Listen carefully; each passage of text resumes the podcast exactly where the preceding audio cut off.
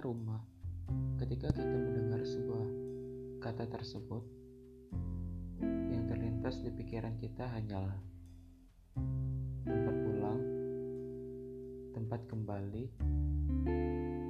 dan tempat di mana semua kenangan-kenangan, baik itu dari masa kecil,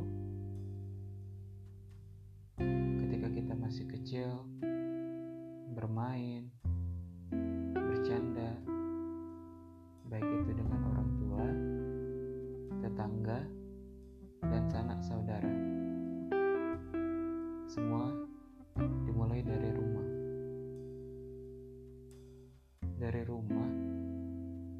kita mempelajari bahwa tempat kembali di saat kita telah melangkah menapaki jalan yang jauh hingga pada akhirnya kita kembali di tempat yang selalu menerima kita, yang selalu menampung semua rasa sedih, kebahagiaan,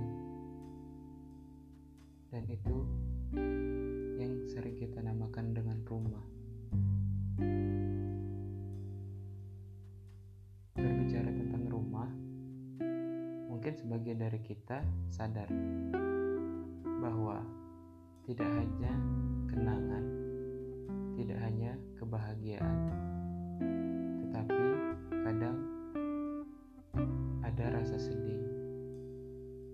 Kesedihan muncul di saat kita lelah, di saat kita memiliki masalah. Ada rasa kita ingin pergi, pergi dari hiruk pikuk, pergi dari permasalahan, dan ingin pergi sejauh mungkin. Sebenarnya, apakah tindakan tersebut benar? Kenyataannya bahwa rumah akan selalu menjadi tempat terakhir untuk kita kembali. Dari mana pun perjalanan kita, sejauh apa pun kita melangkah, kita akan selalu balik dan kembali ke rumah.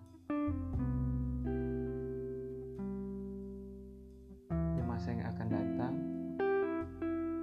ketika kita mulai tumbuh menjadi seorang dewasa, menjadi seseorang yang sudah memiliki tanggung jawab, memiliki cita-cita, dan juga memiliki masa depan.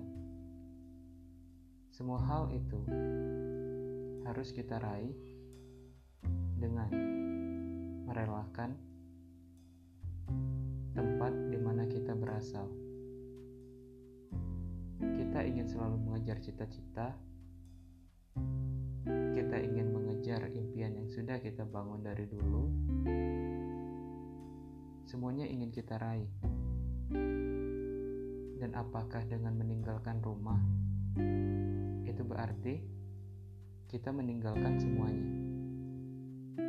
Kenangan-kenangan, kebahagiaan, rasa sedih, dan bahkan mungkin kita kehilangan.